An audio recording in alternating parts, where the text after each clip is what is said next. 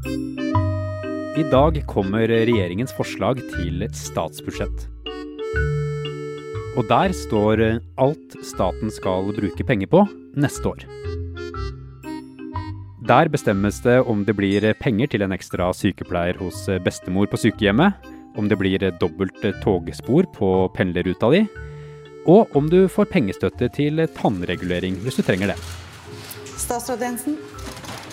Det blir mange tall, og det blir mange politikere som vil skryte mye. Den økonomiske politikken som denne regjeringen har ført gjennom mange år, gir gode resultater. Det er den største muligheten vi har til å minske forskjeller. Vi er et grønt parti, eh, og vi tar klimaendringene på alvor. Så her er triksene du trenger for å gjennomskue skrytelistene, og resten av det du trenger å vite om statsbudsjettet. Du hører på Forklart fra Aftenposten. Mitt navn er Andreas Bakkefoss, og i dag er det onsdag 7. oktober.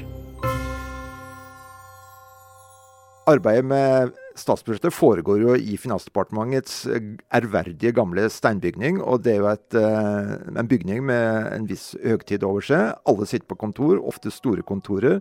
Tjukke steinvegger mellom hvert kontor. Lange korridorer, litt mørke korridorer. Så dette legger jo en litt eh, spesiell ramme rundt dette arbeidet.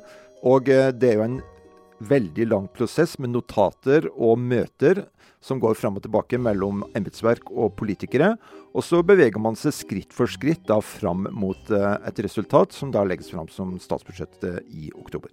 Og du jobbet jo der i Finansdepartementet med statsbudsjettet, Sigurd Bjørnstad. Og nå er du økonomijournalist eh, her i Aftenposten og i E24. Mm -hmm. Når finansminister Jan Tore Sanner fra Høyre tar på seg dressen og går på den forgylte talestolen i Stortinget i dag. Statsråd Sanner. Hva er det han har med seg opp der, da? President. Nei, det er jo hovedsak skal han legge fram tre dokument. Det er for det første nasjonalbudsjettet. Så er det forslag til skatter og avgifter for neste år. Og så er det forslag til statens utgifter neste år, altså det vi vanligvis kaller statsbudsjettet. Kan ikke du forklare hver av dem? Eh, nasjonalbudsjettet først, hva er det det er? Nasjonalbudsjettet er i motsetning til to andre en melding. Altså Han ønsker å fortelle uh, Stortinget om uh, tilstand og utsikter for norsk og internasjonal økonomi. Og I tillegg så er det en beskrivelse av den økonomiske politikken som regjeringen vil føre. Så det er bare noe Jan Tore Sanner forteller resten av Stortinget, uh, og man trenger ikke å vedta noe der? Skal ikke vedta noe, men Stortinget skal diskutere det, og finanskomiteen skal avgi en innstilling om det. Og så er det skatter og avgifter. Det sier seg kanskje selv? Ja, altså Det er forslag til eh, regler for skatter og avgifter for neste år. Satser eh, både i kroner og øre, prosentsatser, som da skal skaffe statens, eh, staten inntekter neste år. Noe av det blir jo justert hvert år, og en del ting ligger fast fra år til år. Har du noen eksempler på hva det kan være? Det kan f.eks. være anslag på hvor mye moms man får. Det Momssatsen skal, skal, vedtas hvert år. Det kan være grensen for toppskatt, det kan være avgifter på bensin, og det kan være avgifter på, på bil, alkohol. Så dette er noe som griper inn i, i handlerunden til det aller fleste hverdagen. Og det siste dokumentet du nevnte, Sigurd, statsbudsjettet, det skal jo også vedtas. Hva er det som står der? Det kalles jo ofte gul bok, da, fordi den rett og slett er gul på, på framsida av en eller annen grunn. Eh, det er da detaljert forslag til statens utgifter på tusenvis av poster. Og det er ofte da fordelt på departement. Dette kan være overføring til kommune, hvor mye man vil bruke på sykehus neste år, bevilgninger til politi, karbonfangst og -lagring, det kan være oppussing av Nationaltheatret, støtte til folkehøgskoler og statsstøtte til et stort antall frivillige organisasjoner, for å nevne noe. Men disse tre dokumentene, Sigurd, hvordan er det de egentlig henger sammen? Ja, Det er jo da et dokument for utgifter, et dokument for inntekter. Og hvis du da legger deg ved siden av hverandre, så er det ikke sikkert at uh, utgiftene kan dekkes av de inntektene som ligger her. Og da kommer det et tredje element inn. Det er da penger fra oljefondet som fyller opp rommet mellom utgiftene i statsbudsjettet og inntektene som staten har gjennom skatter og avgifter fra fastlandet. Så statsbudsjettet da skal alltid gå i null i Norge. Så hvis vi ikke hadde hatt oljepenger, så ville vi gått i minus? Ja, da, eh, hvis utgiftene hadde vært sånn som eh, det er, så, så ville man gått i minus. Og da måtte, ville staten, som i andre land, måtte låne for å dekke underskuddet. Men så er det jo ofte sånn at det er ikke sikkert utgiftene ville vært det samme uten oljepenger. Så det kan jo hende at tilgangen på oljepenger gjør at utgiftene blir større enn det ellers ville vært. Så en kan jo også tenke seg at uten oljepenger så ville utgiftene vært lavere, og budsjettet ville gått i balanse, eller kanskje til og med med overskudd likevel.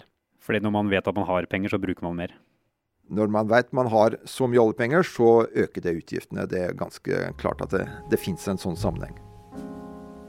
For penger fra Statens pensjonsfond utland, eller oljefondet, det fungerer litt som ja, gressløk. Si at du vil ha gressløk i eggerøren din hver søndag morgen. Da kan du jo ikke klippe ned den til rota og bruke alt på en gang. Vil du fortsette å lage eggerøre med gressløk hver uke, så må du bare ta av så mye som den rekker å vokse på den uka. Og litt sånn er det med oljefondet også. Og derfor så fins handlingsregelen. Siden man regner med at eh, fondet vokser ca. 3% i året etter at det er eh, korrigert for prisveksten, så får politikerne som hovedregel ikke bruke mer enn 3% i året. Og da er tanken at fondet reelt sett aldri vil minke. Men i år så kommer vi til å bruke mye mer enn det.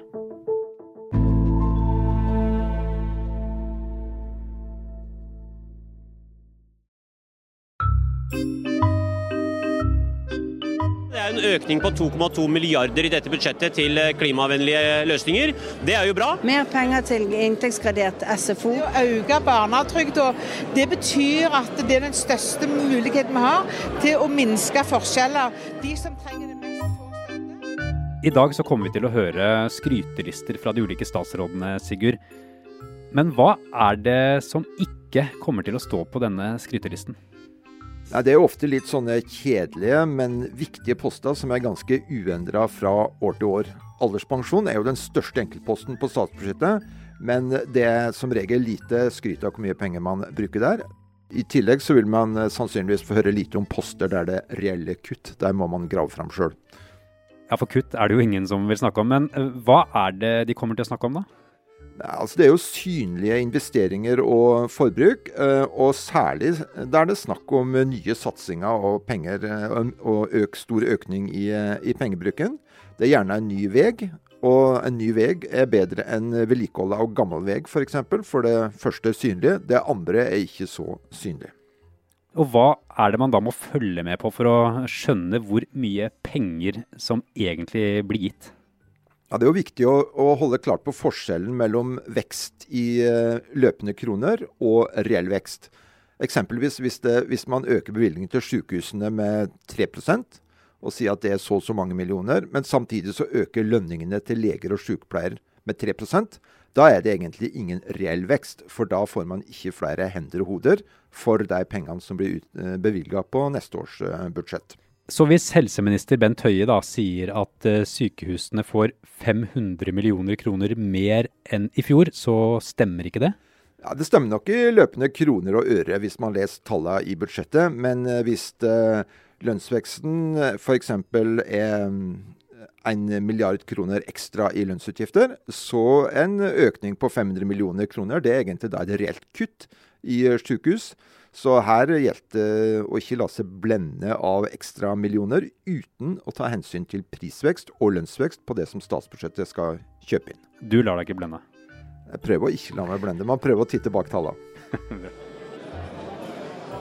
I dag så er det en sånn dag der journalister og organisasjonsfolk løper rundt i Stortingets store vandrehall for å snakke med politikere.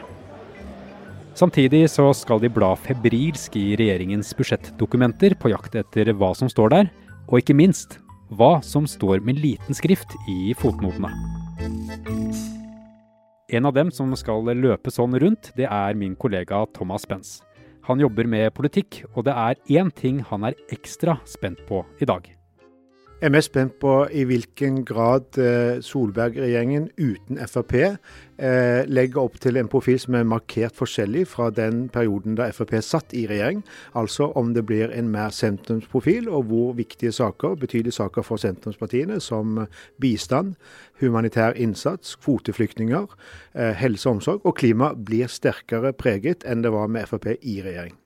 Og nå skal det jo forhandles, Thomas, og så er det sånn at partiene som sitter i regjeringen i dag, ikke har nok representanter på Stortinget for å få flertall for dette budsjettet alene. Så de skal forhandle med Fremskrittspartiet. Hvordan vil de forhandlingene bli? Eh, det har Fremskrittspartiet veldig tydelig nå i et par uker sagt. De kommer til å bli kjempetøffe. Og det tror jeg de gjør av eh, to eh, hovedårsaker. Eh, det ene er at Frp gikk ut av regjering fordi de var misfornøyd. De kalte det grått og kjedelig. De fikk ikke gjennomslag for sin primærpolitikk. De ønsker å heve sin profil, ikke minst fordi det er valgår neste år. Det samme gjelder jo i stor grad for Venstre og KrF som sitter i regjering. De har for så vidt sin drømmeregjering, men de har ikke sin drømmetilhengerskare. De ligger begge to eh, langvarig under sperregrensen, og er nok ganske desperate på nå å begynne å nærme seg firetallet og fortsette sin eksistens på Stortinget etter neste valg. Så her er det mye, det er mye eh, om å gjøre på begge sider av forhandlingsbordet. Hmm. Hva er det Frp kommer til å kreve? Eh, de har signalisert eh, fire-fem saker. De vil ha ned avgiftene på de utsatte grensehandelsvarene. Snus, sukker, tobakk, alkohol. De vil ha redusert bompengebelastning. Og de har sagt veldig tøft at de vil ha ned antallet kvoteflyktninger, som i dagens budsjett, dagens eh, inneværende år, er på 3000 kvoteflyktninger. De vil ha ned eh, bistanden, som nå utgjør 1 av eh, brutto nasjonal inntekt. Og så vil de ha mer til helse, omsorg og samferdsel. Men jeg tror det blir symbolsk sakene, antall kvoteflyktninger, reduksjon i bistand, som blir kanskje de to viktigste og tøffeste sakene. Svært mange av de pengene som brukes hvert år i statsbudsjettet, er det enighet om. Det uenigheten vil stå om, og som blir diskusjonene de neste ukene, det er de siste milliardene og de symbolske sakene. Høyre, Venstre, KrF og Fremskrittspartiet de er blitt enige om alle budsjett de siste syv årene. Så den grunnleggende rammen er at disse partiene blir enige om det aller meste. Og de vil være enige om det aller meste som allerede ligger i regjeringens forslag til statsbudsjett for neste år.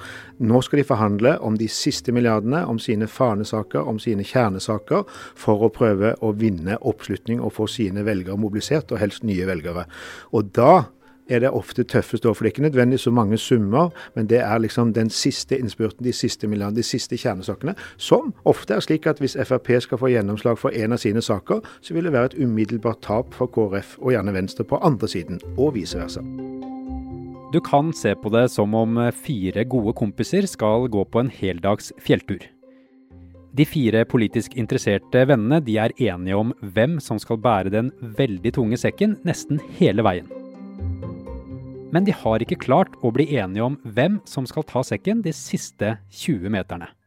Ja, det er et godt bilde, fordi det kommer til å bli både mange meter og mange kaffekopper og mange papirer i møterom på Stortinget de neste ukene, før sannsynligvis den store enigheten kommer når fristen er 20.11, når finansinnstillingen skal foreligge.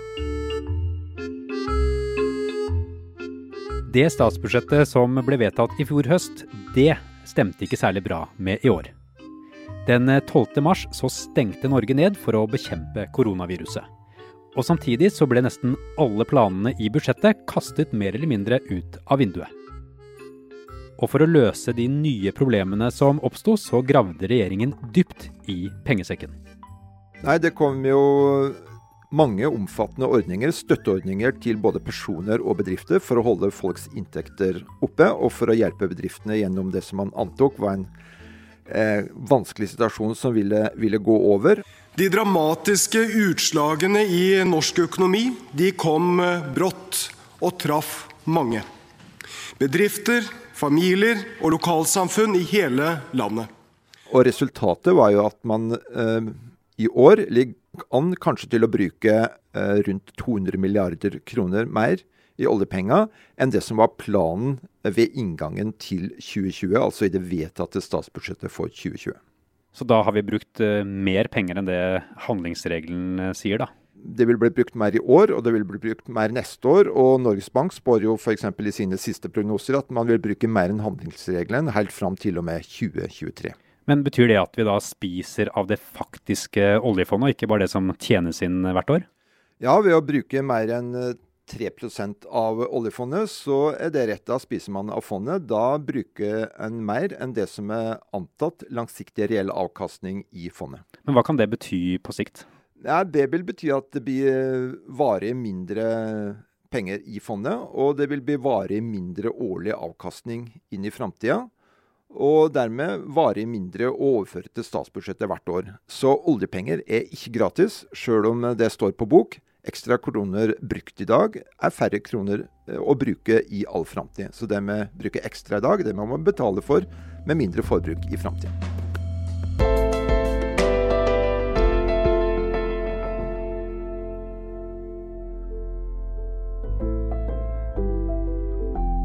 Denne episoden er laget av produsent Anne Lindholm og meg, Andreas Bakke Foss.